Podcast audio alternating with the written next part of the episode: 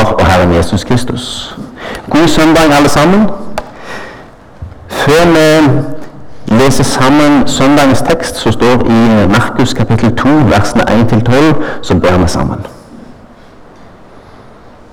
Herre, vi takker for all din godhet mot oss.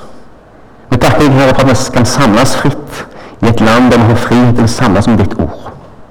Herre, takk for ordet som du har gitt oss. Takk for ordet som vi har fått hørt.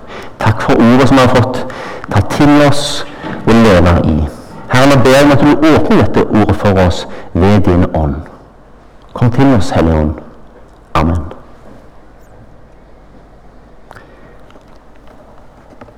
Etter en tid kom Jesus igjen til Kapernaum, og det ble kjent at han var hjemme. De samlet seg, så mange mennesker at de, plass, at de ikke fikk plass, heller ikke utenfor døren. Han forkynte ordet for dem. Da kom de til ham med en som var lam. Han ble båret av fire mann. Men fordi de ikke kunne komme fram til ham pga. trengselen, brøt de opp taket over det stedet der Jesus var. Da de hadde laget en åpning, firte de ned båren som den lamme lå på. Da Jesus så deres tro, sa han til den lamme, Sønn, dine synder er tilgitt. Men noen skriftlærde som satt der, tenkte med seg selv, hvordan kan han si slikt? Han spotter Gud. Hvem andre enn Gud kan tilgi synder? Jesus merket i sin ånd at de tenkte dette, og han sa til dem, Hvorfor har dere slike tanker? Hva er lettest å si til den lamme, enten dine synder er tilgitt, eller stå opp, ta båren din og gå? Men for at dere skal vite at menneskesønnen har makt på jorden til å tilgi synder, og nå vender han seg til den lamme. Jeg sier deg, stå opp, ta båren din og gå hjem. Og mannen reiste seg, tok straks båren og gikk ut rett for øynene på dem. Så alle ble ute av seg selv av undring og priste Gud og sa:" Noe slikt har vi aldri sett. Ja, denne teksten står tidlig i Markusevangeliet. Og Markusevangeliet er jo Peters evangelium. For det er tolken Markus, som Peter hadde med seg, som har skrevet ned det Peter har sagt. Vi har f.eks. en passasje her når Jesus, vann, nei, når, når Jesus stiller stormen. Så står det om at i Markus evangeliet så står det Jesus lå bak i båten og sov på en pute. Og Da må du være øyenvitne for å få det med deg. Markus evangeliet er en øyenvitneskildring. Og så er det litt sånn kortskåra. Det er sånn, litt sånn kontant. Veldig mye om hva Jesus gjorde. Og veldig sånn, Det er ribba for eh, eh, eh, ekstra språk. Det, er, det, det, ser ut som det er en litt sånn saklig, eh, travel fisker som har sagt det. Han har fått med seg det vesentlige. En god håndverker som har sagt hvordan det var. Og det er veldig handlingsorientert. Så i Markus evangeliet så går vi rimelig fort på Jesus' sin gjerning. Den kommer veldig tidlig. Allerede i, i, vers 13 i kapittel 1 så er vi, vi ferdig med at Jesus har uh, blitt døpt av Johannes. Blitt drevet ut av ånden, Deretter drev ånden ham ut i ødemarken. og Der var han i 40 dager og ble fristet av Satan. Han holdt til blant de ville dyr. Englene tjelte ham. Så i vers 14 i det første kapittelet så er vi i gang med Jesus sitt liv og hans tjeneste. Så i Markus evangeliet der det har, de, det har uh, Peter uh, kutta til beinet. Han har sagt det vesentlige til Markus.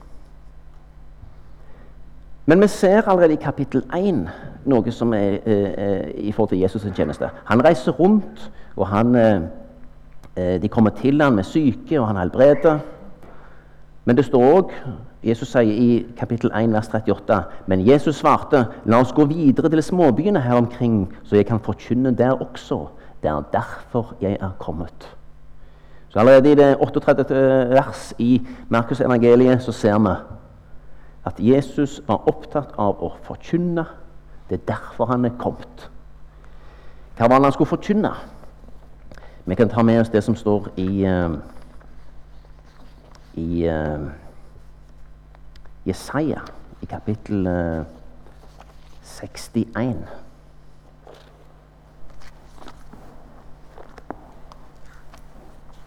Så bare vi leser det første verset i Jesaja kapittel 61. Men det forteller mye. Herrens ånd er over meg, for Herren Gud har salvet meg. Han har sendt meg for å forkynne et gledesbudskap for de arme, for å lege dem som har et knust hjerte, rope ut frihet for fanger og frigjøring for dem som er i lenker. Dette er vers 1 i Jesaja 61. Herrens ånd var over han. Den hellige ånd hadde kommet over han i forbindelse med dåpen fra Johannes. Herren Gud hadde salvet han. Han var Messias, den salvede. Han har sendt meg for å forkynne et gledesbudskap. Nå nærmer oss jul. Dette gledesbudskapet skal vi dvele mer med. Han som kommer. Vi har hatt julemesse i går. Julemesse er dypest sett en aktivitet vi bedriver for at dette gledesbudskapet skal nå lenger. Det skal ikke stoppe med oss. Det skal nå lenger. Vi har hatt Helge Træland her i dag, som har formidla varmt om misjon. Og òg den delen av misjonen som er barmhjertighet, og som er knytta til det å spre evangeliet, som Jesus også viser oss i denne teksten. Det er ikke det ene eller det andre. Det er ikke bare å forkynne en salighet i det kommende riket. Det er òg å forkynne et godt budskap som kan få konsekvenser her og nå. Dette var det Jesus kom for. Og Dette etableres veldig tidlig i Markusevangeliet som noe som, som står med hele veien. Han skulle rundt og forkynne. Derfor var han kommet. Og det han skulle forkynne, var et gledesbudskap for alle arme og nedtrykte. Han skulle leke de som hadde et knust hjerte. Han skulle rope ut frihet for fanger og frigjøring for de som er i lenker. Så bra. Jesus kommer for å sette fri. Jesus kommer til alle som kjenner seg arme og elendige og nedtrykt. Jesus kommer til alle de som har et knust hjerte. Han vil sette fri. Det er et gledesbudskap. Et gledesbudskap som mange av oss har fått hørt. I Norge har vi fått hørt og leve dette gledesbudskapet i 1000 år. Det var så sterkt når jeg var med på Descend i vår. Denne misjonskonferansen for ungdom som de hadde i Imi kirke. Der eh, Andreas Nordli fra Ungdom i oppdrag forteller denne historien som jeg tror har gjenfortalt en gang før, men jeg tar den en gang til. Det er altså en misjonær som har kommet til et område i sånn et stanland litt uh, borti på sida av Russland der. Og så, så spør de misjonæren, da, en som spør men du, dette var fantastisk gode nyheter. Dette er helt enormt bra. Og så spør han hvor lenge, hvor lenge har de visst om dette der som du kommer fra? At dette har vi visst i 1000 år. Og så kommer dere ikke før. Det var, det var sterkt. Han kjente at dette var et så godt budskap. Dette burde vi ha hørt før. Og Det tenker jeg understreker også det vi holder på med misjon. Vi ønsker virkelig å komme til de som ikke har hørt det før. Vi vil være med på det. Vi vil bre det ut. For det er mange som trenger å høre dette gledesbudskapet. Jeg dveler litt ekstra med dette i dag, siden vi har hatt julemesse i går, og denne helga er retta inn mot det som går på misjon for oss her i Salem misjonsforsamling. Og Dette gledesbudskapet fortsatte Jesus å formidle. Men nå har han kommet hjem, står det i kapittel 2. Etter en tid kom Jesus igjen til Kapernaum, og det ble kjent at han var hjemme. Det samlet seg så mange mennesker at de ikke fikk plass, heller ikke utenfor døren. Og så står det han forkynte ordet for dem. Jeg har lest i en kommentar Nå er jo jeg ingen teolog, så jeg kan altså ikke gresk. Men jeg sier at akkurat dette ordet her eh, betyr ikke nødvendigvis så mye proklamasjon, det ordet som eh, står på grunnteksten. Det er mer en samtaleform. Så her tror jeg altså han hadde en, en samtaleundervisning. Det gikk begge veier. Um, og Det er ofte en god undervisningsform. Jeg håper mange av dere er med i mindre grupper og mindre fellesskap der vi kan samtale om ordet. Det er ikke alltid bare at den rene proklamasjonen er, er det vi skal. Vi må få sette ord sjøl på troen. Vi må få kunne spørre og grave og ha samtalen og dialogen. Um, og er det noen som ønsker å være med i sånne grupper, så er vi i Salem villige til å være med og jobbe for å opprette sånne. Det har vi allerede gjort i høst, og det er jeg takknemlig for. Og så er det det som er kjernehistorien her. Da kom de til ham en, en som var lam. Han ble båret av fire mann. Men fordi de ikke kunne komme fram til ham pga. trengselen, brøt de opp taket over det sted der Jesus var. Da de hadde laget en åpning, firte de ned båren som den lamme lå på. Altså, dette er en dramatisk historie. Det er en kreativ historie. Det er en uvanlig historie. Og Derfor er han ofte med i mange barnebøker eh, eh, med kristent innhold. Og Derfor eh, står han også både i Matteus evangeliet og i Lukas evangeliet. Dette er en spektakulær historie. Der noen altså, for å si det sånn, demonterer deler av et hus. Eller iallfall de knekker opp noe som heter sånn et takvindu eller en sånn dør oppe så de, så de kan uh, åpne. Men, men, men iallfall er det gjort en innsats her uh, uh, som er litt sånn kreativ uvanlig for å komme inn. For det var ikke plass. Og Det er veldig spennende at noen bruker så mye energi på å komme helt fram til Jesus. Jeg vet ikke om dere har vært i en eller annen sammenheng. Det kan ha vært et møte, det kan ha vært i en eller annen sånn annen sammenheng. Det er fullt. Ok. Her er vi litt seine, kanskje, og her er det fullt. Hva gjør vi nå? Står vi helt bak oss på sida og får med oss litt, eller, eller bare snur vi? Nei, vi går kanskje bare hjem, for det blir litt voldsomt, dette her. Disse folka her tenkte ikke sånn Hm, hvordan skal vi komme fram? Hvordan skal vi komme fram til Jesus? Dette var ikke lett. De er fire mann og en som ligger på ei båre. Hvordan får vi dette til? Og Det spennende her er at de ikke stopper. De gir seg ikke. De, de, de, de eh, tenker ikke OK, sorry, du som ligger her. Som du ser, det nytter ikke, for det er fullt. Nei, nei, nei. De får antagelig opp med en stige på sida av dette bygget og løfter han opp på taket. Fire mann. Og Dette er troshandlinger for mange. Det er troshandlinger for de for fire som bærer og håper at dette går bra. Men du og du får en troshandling fra han som aksepterer at de gjør dette. Det er ikke alle som hadde tålt uh, å ligge der så totalt hjelpeløs lam, og, og, og folk uh, holder på på denne måten. Det finnes en tro hos denne mannen òg som er stor. Ja, det er greit, jeg er med. Vi gir oss ikke. Vi vil fram. Vi vil fram til Jesus. Vi trenger oss fram. Vi gjør en innsats for å komme til ham. Og det er altså da kreativt, og på grensen selvsagt til kriminelt, å demontere hus. Men historien huskes, og den er eh, med oss ennå. Det er noen som virkelig ville. Og det er et budskap om tro. Og dette budskapet om tro, det anerkjenner Jesus veldig. Da Jesus så deres tro, sa han til den lamme, Sønn, dine synder er tilgitt. Oi.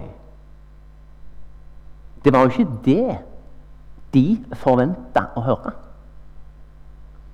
Det var jo et annet budskap de var kommet for. Og selvsagt, det er noen skriftlærde her. Og de kan sin bibel. Vi finner en egen tekst i, eh, i Mika, kapittel 7 der det står slik fra vers 18 til 19. Hvem er en Gud som du, som tar bort skyld og tilgir synd for resten av sitt eget folk? Han holder ikke evig fast på vreden, for han vil gjerne vise miskunn. Herren skal igjen vise barmhjertighet mot oss og trå våre misgjerninger under fot. Du skal kaste alle våre synder ned i havets dyp. Hvem er en Gud som du, som tar bort skyld og tilgir synd? Ja, israelsfolket hadde en slik Gud. Men det var bare ham. Og de skriftlærde her har ennå ikke fått åpenbart og sett dette lyset at det er Gud som har kommet i person, i personen Jesus Kristus. Menneskesønnen, Messias, den salvede. Så de reagerer. Hvordan kan han si slikt? Tenker de med seg sjøl. Han spotter Gud. Hvem andre enn Gud kan tilgi synder? Og Jesus merket i sin ånd at de tenkte dette, står det. Og han sa til dem, 'Hvorfor har dere slike tanker?' Hva er lettest å si til den lamme? Enten 'dine synder er tilgitt', eller 'stå opp, ta båren din og gå'? Ja, la oss dvele litt med det. Hva er lettest å si? Det er vel kanskje lettest å si dine synder er deg tilgitt. For det kan jo vi òg si til hverandre uten at vi nødvendigvis har den kraft som Jesus hadde til å sette makt bak det. Du kan jo ikke se det. Det er jo ikke synlig. Og så er det så utrolig interessant. Men for at dere skal vite at menneskesønnen har makt på jorden til å tilgi synder Og nå vender han seg til den lamme. Jeg sier deg, stå opp, ta båren din og gå hjem. Det er en fantastisk pedagogisk øvelse her Jesus gjør.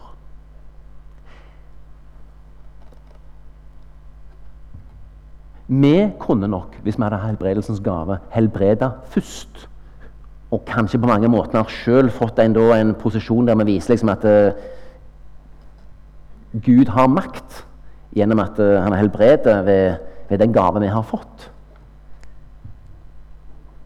Men Jesus gjør det motsatt, for han viser seg til å være helt suveren. Han kan si noe som han kan gjøre. Dine synder er deg tilgitt. Det kan han si. Og han skal seinere betale en høy pris for at han sier det. Jeg tror nok vi iallfall må si det kan være lettere å si 'dine synder er deg tilgitt' enn stå opp og gå. Men vi deler litt med det at det som var vanskeligst å gjøre i denne sammenheng for Jesus i hans tjeneste på jorda, var det første. Det For å kunne si 'dine synder er deg tilgitt', så krevde det et stort offer fra en som var perfekt, og som var villig til å gå en veldig krevende vei som ingen mennesker kunne gå. Både med en fysisk avstraffelse, en, eh, en henrettelse på et kors, å bli skilt fra Gud for å kunne sone menneskers synder. Det er mye tyngre å gjøre, det med å kunne tilgi synd, enn en å, si, en, en å gjøre det og få noen til å stå, ta på seg og stå opp fra det å være lam. Men å si det var jo for så vidt rimelig rett fram og enkelt. Men gjennom at Jesus gjør det på denne måten, så får han fram hvem han er, og hvorfor han har kommet. Vi leser i Matteusevangeliet, i kapittel 1, der med fare for å foregripe tekster fra, fra jula. Men vi, men vi leser i kapittel 1 om at Maria allerede har fått beskjed om at hun skal bli med barn ved Den hellige ånd. Og så har vi Josef, da, som får vite at hun er gravid. Han ønsker ikke å føre skam over henne og ville skille seg fra henne i stillhet, for han var en rettskaffen mann. Her har vi òg noe å lære. Han var satt i en veldig krevende, flau uh, uh, situasjon, men han blåste seg ikke opp. Han forkynte ikke dette for hele bygda. Han var en rettskaffen mann. Han ville la dette forbigå i stillhet. Dette skulle ikke være noe som skulle bli mer ødeleggende enn det allerede var. Mens han nå tenkte på dette, viste en Herrens engel seg for ham i en drøm og sa:" Josef, Davids sønn, vær ikke redd for å føre Maria hjem som din hustru. For barnet som er unnfanget i henne, er av Den hellige ånd. Hun skal føde en sønn, og du skal gi ham navnet Jesus. For han skal frelse sitt folk fra deres synder. Jesus betyr Herren frelser. Det er fra det hebraiske Jeshua. Det er det samme som Josva. Josva hvem var Josva i Det gamle testamentet? Han var Moses' sin etterfølger. Moses førte folket ut fra Egypt. Men Moses døde sjøl i ørkenen. Det er Josva som fører folket inn i det lovede land. Han er Herren frelser. Han er den som fører de virkelig inn i det lovede landet. Det er Herren frelser. Jesus er den som fører oss inn i det lovede landet.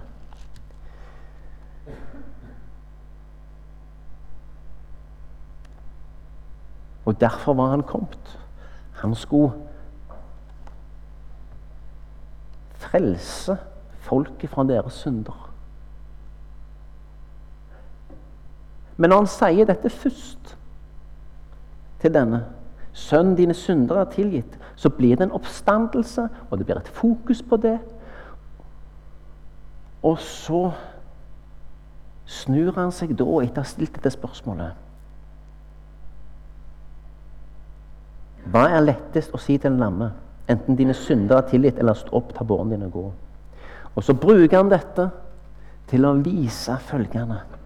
Han kan helbrede. Mannen reiser seg opp og kan gå. De blir helt ute av seg av undring. Men det blir stående allikevel, dette. Sønn, dine synder er tilgitt. Og nå blir dette òg bekrefta. For hvis du har makt til å helbrede, og du sa du skulle gjøre det, og du, og du byr mannen reise seg opp, så er det òg makt i det han sa først. Det er òg makt i det han sa om at sønn, dine syndere er tilgitt.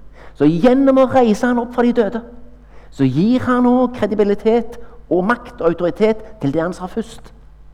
Det er en genial pedagogikk. Vi forstår og ser at Jesus har makt til å tilgi synder. Og han bekrefter gjennom dette at han er Gud. Han er Guds sønn. Han er Messias, den salvede som har kommet. Dette gledesbudskapet om det nye riket som Gud reiser opp med Jesus Kristus, kommer han for å forkynne og formidle. Det hadde han allerede begynt å forkynne. Og Gjennom det som skjer her, så demonstrerer han tydelig hva dette er. Han ikke bare helbreder. Ja, mange kommer jo for å bli helbreda. Det må vi forstå. De hadde forstått at han hadde noen helt spesielle gaver. Enhver av oss med sykdom ville gjort det samme. Særlig hvis vi ikke trodde og visste om noen andre måter å få det til på å bli frisk på. Vi ville søkt enhver helbreder som kunne hjulpe oss. Eh, og Særlig hvis vi i tillegg trodde han var fra Gud. Og Litt tilbake til der som Helge Træland var i sin fine formidling fra Misjonsmerket om eh, oppfordring til å være med i NLM Gjenbruk. Der han snakket om både å bry seg om vann, om helse og hele menneskets situasjon. Og formidle evangeliet. Hele veien så har dette i misjon gått hånd i hånd. Det ene er ikke motsetning til det andre. Sånn har det alltid vært. Og de pengene som ble samla inn i går, vil gå til helse, vann og misjon. Og Jesus viser ut dette som et eksempel. For han var det sånn fra dag én. Han brydde seg om hele mennesket.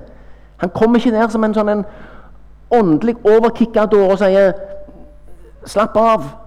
Det viktigste er bare det indre, at du, du blir frelst.' Nei, han brydde seg om menneskene. Han reiste de opp. Han så de, og han sier til oss flere ganger i Matteus 9 og Matteus 12 bl.a.: Det er barmhjertighet jeg vil ha, ikke offer. Han viste sjøl barmhjertighet. Han var et forbilde i barmhjertighet. Og han formidla evangeliet om det nye riket. At den som kommer til han skal få evig liv. Og han demonstrerte det her, at han har makt til å tilgi synder. En slik Gud har vi. En slik Gud kan vi forkynne og formidle til våre omgivelser. En Gud som tilgir synd og tar bort skyld. Hvem er en Gud som du? Hvem har en slik Gud? Vi har en slik Gud. Det har Jesus Kristus demonstrert i denne fortellingen og i så mange andre sammenhenger gjennom, gjennom eh, evangeliene.